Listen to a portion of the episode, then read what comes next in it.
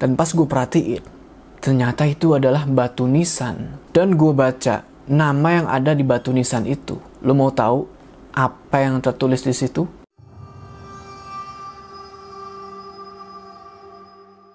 Assalamualaikum teman-teman, balik lagi sama gue Joe. Apa kabar kalian semua? Semoga kalian semua yang menonton video ini diberikan kesehatan, dilancarkan rezekinya dan selalu dimudahkan urusan-urusannya dan selalu diberikan perlindungan dari wabah yang sedang melanda dunia saat ini. Jadi buat di video kali ini gue mau bawain cerita dan cerita ini serem banget. Gua gua nggak berani syuting cerita ini malam-malam. Ini gue siang-siang nih syuting. Di cerita ini ada seorang pengantin baru. Sebut aja namanya Andri sama Mira. Nah mereka ini nempatin suatu kontrakan. Nah yang mereka nggak tahu kontrakan ini tuh menyimpan rahasia yang cukup ngeri. Oke jadi di cerita ini gue bakal cerita dari sudut pandang orang pertama ya. Gue bakal menjadi Andri, tokoh utama di cerita ini. Udah nggak usah lama-lama, mau tahu ceritanya? tonton video ini terus.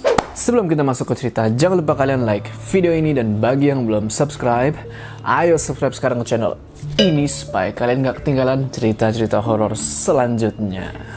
Udah siap ya? Mode horor aktif. Kenalin nama gue Andri. Gue punya istri namanya Mira. Setelah seminggu kami menikah, kami mutusin buat tinggal di apartemen di daerah Ciumbulit, Bandung. Karena selain akses ke tempat kerja yang deket, istri gue pun suka sama tempatnya. Tinggallah kami di situ selama kurang lebih enam bulan. Dan yang bikin gue lebih seneng lagi, istri gue lagi hamil 4 bulan. Hari demi hari kita lewatin dengan bahagia. Sampai pada suatu hari, istri gue minta dibeliin martabak tengah malam.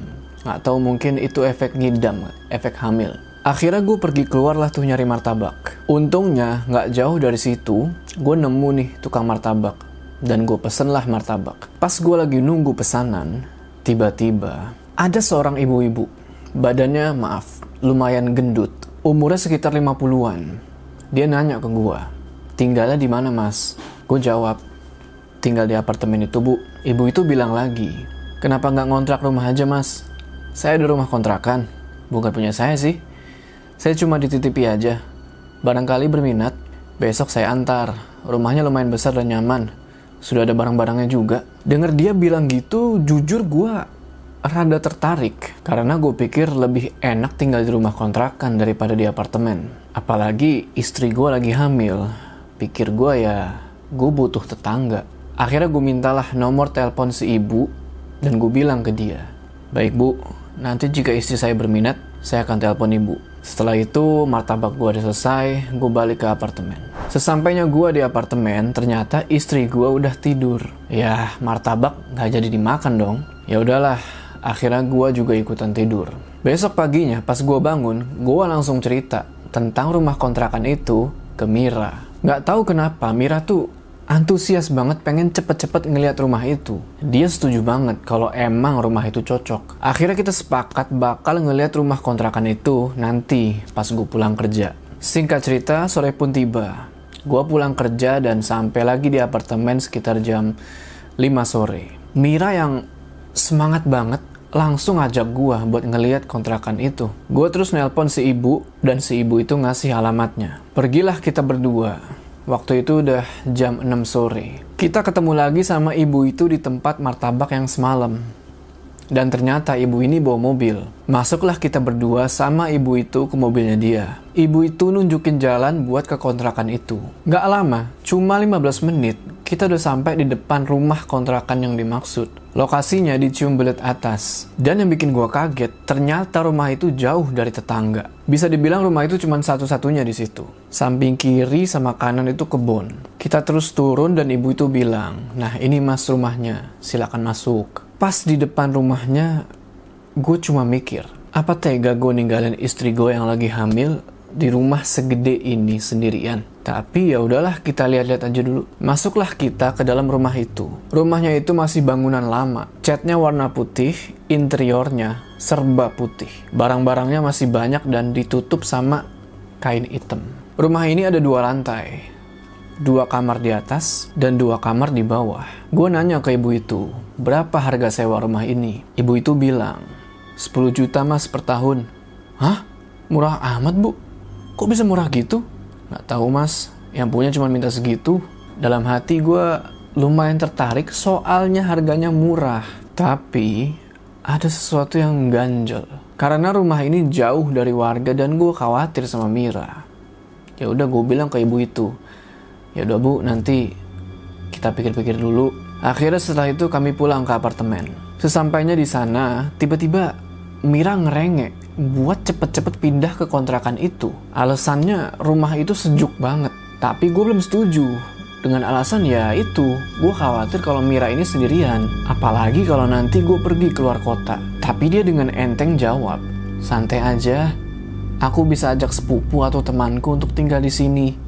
Mereka pasti mau kok. Setelah diskusi-diskusi-diskusi, pada akhirnya gue setuju buat pindah ke kontrakan itu. Hari itu hari Minggu. Karena gue lagi libur, kita pun akhirnya kemas-kemas dan pindah ke rumah itu. Singkat cerita, setelah deal sama ibu yang kemarin, kita udah di rumah kontrakan itu lagi. Kami pun mulai ngerapin tempat itu dan ngebersihin ruangan-ruangannya. Karena sepertinya rumah itu udah lama banget nggak dihuni. Gue dibantu sama si ibu buat ngeberesin rumah itu. Tapi pas gue mau masuk dan ngeberesin salah satu kamar di lantai bawah, tiba-tiba jangan dibuka, biarin aja kamar itu. Itu kamar bekas pembantu dan jangan pernah membukanya. Emang kenapa bu? Gak apa-apa, pokoknya jangan dibuka. Udah biarin aja itu. Toh kamarnya nggak akan dipakai semua kan? Gue terus ngeiyain apa yang dia omongin. Walau dalam hati gue bertanya-tanya. Karena jujur, gue itu orangnya penasaran banget sama hal-hal yang disembunyiin. Setelah kita selesai ngeberesin rumah, si ibu itu pamit pulang. Dan di hari itu juga, gue langsung pasang CCTV di seluruh rumah, supaya rumah itu aman. Waktu itu udah jam 8 malam. Gua sama Mira akhirnya bisa istirahat di kamar kita. Kamar kita letaknya ada di lantai satu. Pas kita lagi asik-asik ngobrol, tiba-tiba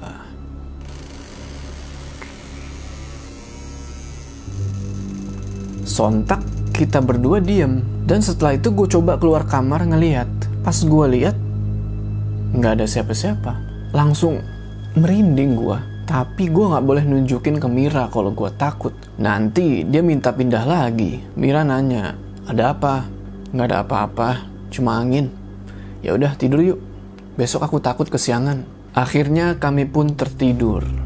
Besok paginya, seperti biasa, gue mesti berangkat kerja. Gue pun pamit dan pesen sama Mira supaya dia hati-hati di dalam rumah dan segera telepon kalau ada apa-apa. Jujur, sebenarnya gue bener-bener khawatir ninggalin dia sendirian di rumah itu. Tapi ya udahlah toh kelihatannya dia seneng banget tinggal di rumah itu. Setelah itu gue jalan ke kantor. Hari itu gue dapat banyak banget kerjaan dan terpaksa gue harus lembur sampai sekitar jam 10 malam. Singkat cerita, akhirnya gue pulang ke rumah dan sampai di rumah itu sekitar jam setengah 11 malam. Karena gue bawa kunci cadangan, jadi gue nggak perlu bangunin Mira buat bukain gue pintu. Tapi ternyata pas gue masuk, Mira belum tidur. Dia lagi asik nonton TV di ruang tengah. Setelah itu kita berdua masuk ke dalam kamar. Dan karena gue emang capek banget, gue tidur cepet. Pas gue lagi nyenyak tidur, tiba-tiba gue kebangun karena gue kebelet pengen buang air kecil. Gue terus pergilah ke kamar mandi. Tapi pas gue lagi jalan keluar kamar ke arah kamar mandi, dek. Tiba-tiba langkah gue berhenti. Mulut gue tuh kayak dibungkem. Karena gue ngelihat ada seorang cewek lagi diri di depan kamar mandi. Langsung buru-buru gue masuk lagi ke dalam kamar. Dan Mira kebangun karena gerakan gue yang agak rusuh lah. Dia nanya, kamu kenapa? Kok kayak ketakutan gitu? Aku ngeliat ada perempuan berdiri di depan kamar mandi. Tapi anehnya Mira malah ngetawain gue. Dan dia bilang, hahaha, kamu tuh ya gak bisa bedain mana hantu mana orang. Dia itu asih, pembantu kita. Maaf, aku lupa. Belum ngomong sama kamu. Kalau Asih datang tadi maghrib. Dan aku langsung suruh tidur karena aku lihat dia kayak capek banget abis perjalanan. Emang kamu pesan pembantu? Enggak. Lah, terus itu pembantu siapa? Jadi gini loh, katanya Asih itu dikirim dari pemilik rumah ini buat jadi pembantu kita, gitu. Lah, terus siapa yang mau gaji dia? Nggak perlu digaji. Jadi kita bayar 10 juta, udah termasuk pembantu. Heran gua. Dalam hati, gua bilang kok pemilik kontrakan ini baik banget. Udah rumahnya murah, dikasih pembantu lagi. Ya udahlah, akhirnya gue ngelanjutin niat gue buat pergi ke kamar mandi. Dan ternyata Asih udah nggak ada di sana. Mungkin dia udah masuk ke kamarnya. Besok paginya, seperti biasa gue pergi kerja. Tapi pas berangkat kerja kok si Asih nggak kelihatan. Dalam hati gue bilang, mungkin dia masih tidur. Ya udah, akhirnya gue pergi kerja dan ninggalin Mira di rumah itu. Selama di kantor, gue cuma mikirin keadaan Mira. Walaupun sekarang udah ada yang nemenin dia, yaitu Asih si pembantu, tapi gue masih ragu. Karena gue belum pernah ketemu, apalagi ngobrol langsung sama Asih. Gue juga pengen tahu latar belakang orang itu. Setiap jam gue nelpon Mira buat nanyain keadaannya. Entah kenapa, tiba-tiba gue pengen ngecek CCTV dari hasil rekaman kemarin. Jadi CCTV di rumah itu nyambung sama laptop gua. Jadi gue bisa pantau rumah gua dari laptop gua. Akhirnya gue ngeliat hasil rekaman itu di laptop. Gue penasaran pengen ngeliat kapan Asih datang ke rumah. Setelah gue sesuaiin jam pas saat si Asih datang ke rumah, ternyata di CCTV gue cuma ngeliat Mira lagi ngomong sendirian di depan pintu. Nggak ada orang lain lagi di sana. Mulai panik lah gue. Gue pun mutusin buat pulang lebih awal karena gue khawatir sama Mira. Sekitar jam 2 siang, gue udah sampai lagi di rumah itu. Tapi gue bersyukur, untungnya nggak terjadi apa-apa sama Mira. Gue mutusin buat nggak cerita apa yang gue lihat di CCTV. Takutnya nanti Mira malah panik. Mira cuma nanya, kamu kenapa? Kok pulang cepet? Oh iya, kerjaan aku udah selesai. Jadi bisa pulang cepet. Asi mana? Hmm, tadi sih pas kamu pulang dia keluar. Emang kamu nggak ketemu? Enggak.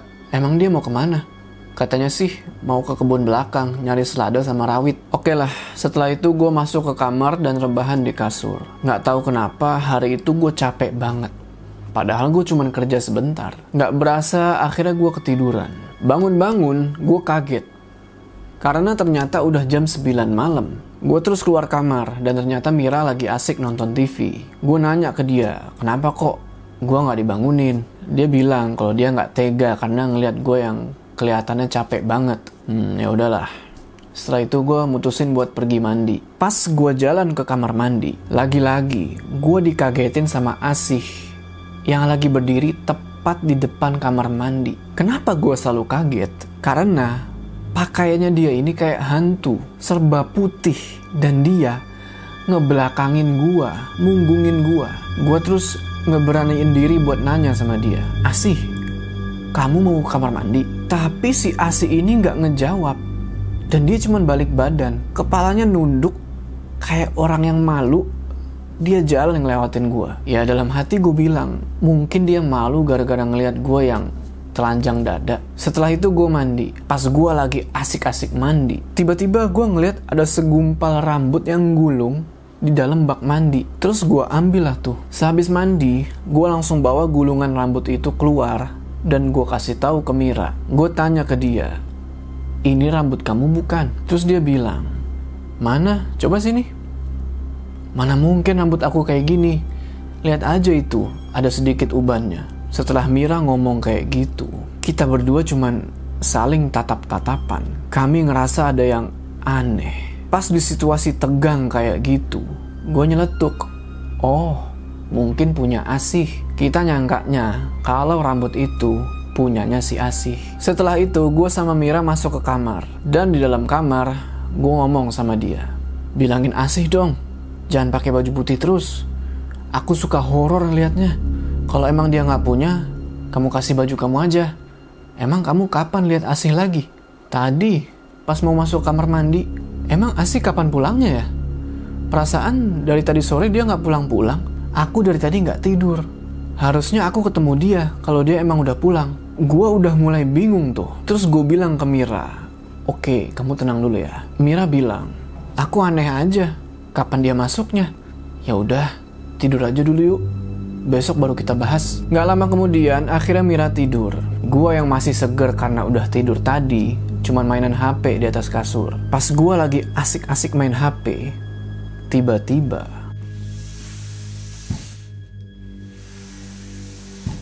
gue ngedenger suara orang yang kayak lagi nyeret sesuatu. Karena penasaran, gue bangun dan coba buat nguping dari balik pintu. Dan bener, gue emang denger kayak ada orang lagi nyeret sesuatu. Lebih tepatnya mungkin lagi ngesot. Nggak cuma itu, kedengeran kalau orang ini lagi nangis, cuman pelan banget. Gue langsung keinget sama CCTV. Buru-buru lah gue langsung buka laptop. Dan pas gue lihat CCTV, ternyata bener apa yang gue lihat. Gue ngeliat seorang wanita lagi nyeret badannya sendiri sambil megangin perutnya. Mukanya samar-samar, tapi dalam hati gue bilang, ini kayak asih.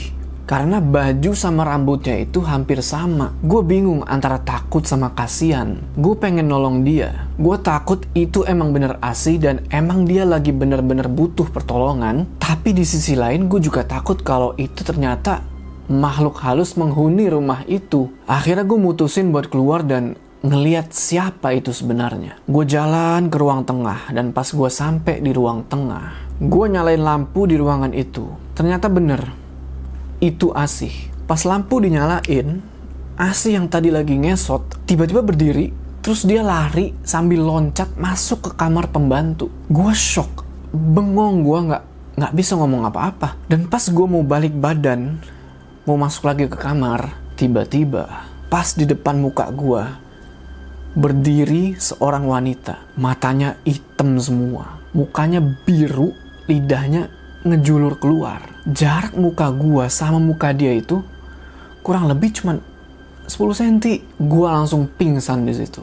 Pas gue bangun, gue ngeliat Mira udah nangis sambil nepok-nepok pipi gue. Gue terus peluk dia dan gue ajak balik ke kamar. Waktu itu udah jam 5 pagi. Di dalam kamar, Mira nanya ke gue, ada apa? Tadinya, gue mau kasih tahu dia. Tapi karena gue takut dia panik, akhirnya gue bohong ke dia. Gue bilang kalau tadi gue sedikit pusing pas mau ke kamar mandi. Jadinya gue pingsan. Mira terus ngajak gue buat ke dokter, tapi gue bilang udah nggak apa-apa. Pagi itu, gue ngajak Mira buat pulang ke rumahnya. Dengan alasan gue kangen sama mertua gue. Jadi nanti pas pulang kerja, gue bisa mampir ke rumahnya Mira. Tapi Mira nolak. Alasannya dia capek. Bingung gue di situ.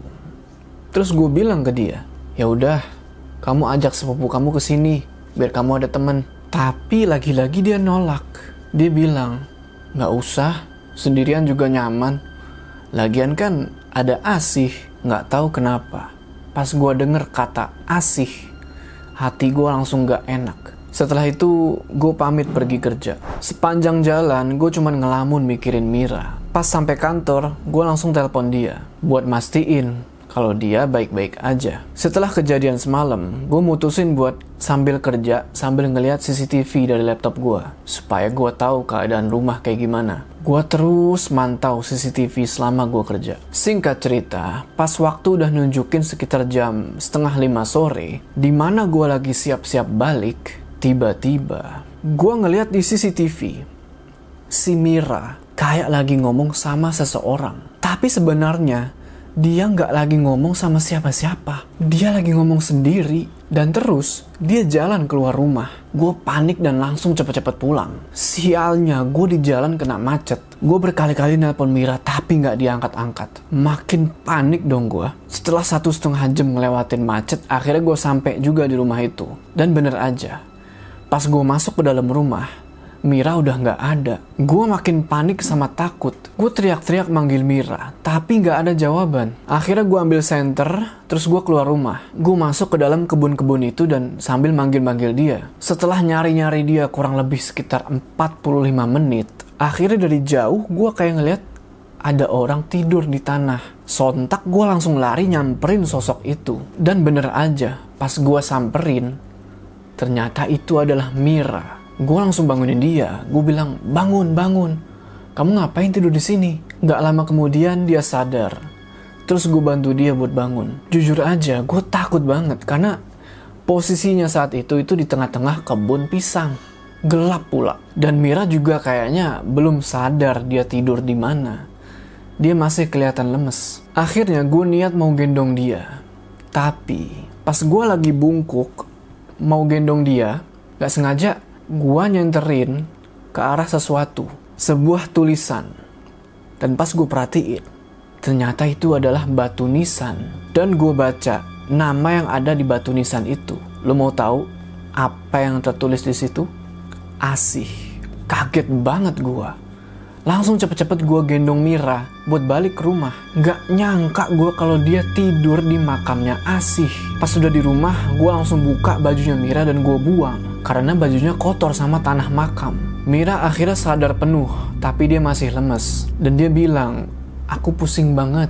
Ya udah, abis itu kita ke kamar dan gue suruh dia buat tidur dulu. Tiba-tiba, kedengeran suara pintu yang dibanting. Dan yang bikin gue lebih ngeri lagi, tiba-tiba muncul suara cewek ketawa, kenceng banget. Mira sontak meluk gue. Kita berdua yang lagi panik di dalam kamar, cuman bisa nguatin satu sama lain. Gak lama setelah itu, kedengeran suara orang jatuh tepat di depan pintu kamar. Gak sampai di situ, terus pintu kamar kayak ada yang nyakar-nyakar sambil ngeram kayak terus pintu kamar dipukul-pukul gue spontan langsung nelpon teman-teman gue buat datang ke rumah dan untung beberapa teman gue sigap mereka bisa datang. Gue sama Mira yang masih ketakutan dalam kamar cuman bisa doa dan pasrah. Beberapa saat kemudian lampu kamar mati dan suasana jadi makin mencekam.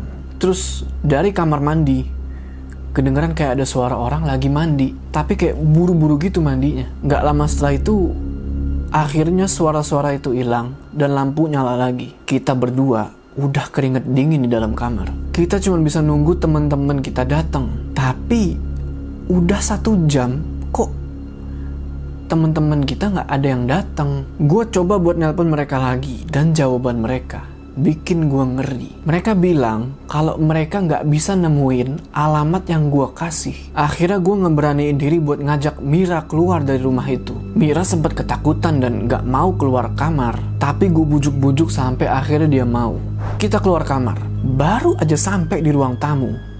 Tiba-tiba lampu mati lagi dan Mira pingsan. Gue cuma bisa duduk di lantai sambil mangkuk Mira yang lagi gede perutnya. Gue coba bangunin dia, tapi tiba-tiba Mira berdiri dan dia lari-lari dalam rumah sambil garuk-garuk kepala. Tapi anehnya walaupun gelap, dia nggak nabrak satupun barang yang ada di rumah. Awalnya gue nggak ngerti dia ini kenapa. Tapi akhirnya gue paham kalau dia ini lagi kerasukan. Gue cuman bisa nangis dan doa ngeliat Mira yang kayak gitu. Untungnya kejadian itu nggak lama. Mira pingsan lagi. Gue coba bawa dia masuk ke kamar. Karena kebetulan dia jatuh di depan pintu kamar. Cepet-cepet gue langsung masuk lagi ke dalam kamar dan gue kunci pintunya. Nggak lama kemudian Mira bangun sambil nangis. Karena penasaran, gue coba buka lagi laptop gue buat ngeliat CCTV. Ternyata bener. Asih itu adalah makhluk halus yang nempatin rumah itu. Gue nggak tahu gimana caranya?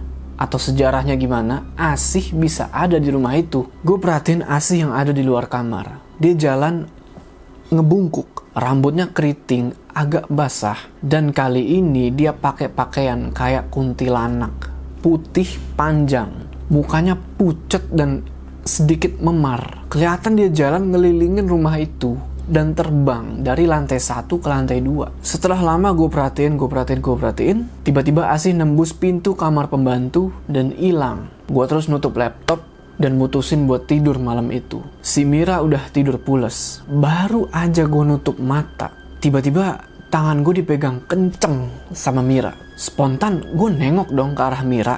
Dan di situ, wah, di situ, di situ gue ngeliat Mira matanya melotot kayak lagi nahan sakit. Karena ternyata ada Asih lagi ngedudukin perutnya. Dia ngedudukin perut Mira sambil ketawa cekikikan. Sontak gue pukul si Asih. Tapi pukulan gue nembus badannya dan dia langsung ngilang. Disusul sama suara cekikikan yang makin jauh makin jauh terus ngilang. Akhirnya kita berdua mutusin buat nggak tidur sampai pagi. Walaupun gue udah ngantuk banget. Singkat cerita, pagi akhirnya datang dan hati gue agak sedikit lega ngelihat matahari terbit. Kita berdua langsung packing pakaian dan buru-buru buat keluar dari rumah itu. Kita cuman bawa beberapa pakaian doang. Karena dalam pikiran gue, yang penting kita keluar dari rumah itu. Kita berdua pergi ke rumahnya Mira. Kita sepakat buat tidur di rumahnya dia sementara. Sampai kita nemuin tempat tinggal yang baru. Dan kita juga sepakat buat nggak cerita apa-apa ke orang tua kita masing-masing. Sampai di rumahnya Mira, kita berdua langsung disambut sama orang tuanya. Gue izin gak masuk kerja karena gue capek banget. Akhirnya tidurlah kita berdua. Bangun-bangun, gak taunya udah jam 4 sore. Kita langsung mandi dan abis itu kita makan sama keluarganya Mira. Tapi pas ngeliat HP, gue kaget. Ternyata bos gue udah nelpon berkali-kali. Akhirnya gue telepon balik lah bos gue itu. Dan bener aja, ternyata ada pekerjaan yang penting banget yang harus gue selesaiin besok pagi. Gue langsung pergi ke kamar buat nyari laptop gue. Karena semua filenya ada di situ. Tapi gue cari, gue cari, gue cari, laptop gue nggak ketemu. Gue coba inget, inget, inget. Hmm, laptop gue ketinggalan di rumah kontrakan. Dan gue bingung mau ngambilnya gimana. Akhirnya gue nelpon beberapa teman gue buat nemenin gue balik ke rumah kontrakan itu. Sialnya, temen-temen gue mendadak pada nggak bisa semua. Dan nggak mungkin juga kalau gue harus ngajak Mira. Setelah gue mikir lama, akhirnya gue mutusin gue harus pergi sendiri. Mau nggak mau, karena ini nyangkut karir gue juga kan. Gue pamit sama istri dan mertua gue. Alasannya gue mau pergi ke tempat temen karena ada kerjaan. Waktu itu udah jam 9 malam. Jalanlah gue ke kontrakan itu. Waktu itu lagi hujan. Belum sampai rumah kontrakan aja. Gue udah merinding. Sepanjang jalan gue cuma bisa doa. Gue harap nggak akan terjadi sesuatu yang nggak diinginkan. Nggak terasa gue udah jalan sekitar 45 menit. Dan sampai lagi lah gue di depan rumah kontrakan itu. Gue sempet mikir buat balik. Nggak jadi tapi mau gimana lagi, ini demi pekerjaan gue. Akhirnya gue keluar mobil dan pelan-pelan gue jalan ngedeketin pintu. Pas di depan pintu, gue doa lagi. Terus gue buka pintu itu. Cekrek. Tiba-tiba. Mau tahu apa yang Andri temuin pas dia balik lagi ke rumah itu? Jangan lupa saksikan part selanjutnya. Sebelum kita berpisah, jangan lupa kalian like video ini dan bagi yang belum subscribe, ayo subscribe sekarang ke channel ini supaya kalian gak ketinggalan part selanjutnya dari cerita ini. Gua Jo, sampai ketemu di part selanjutnya.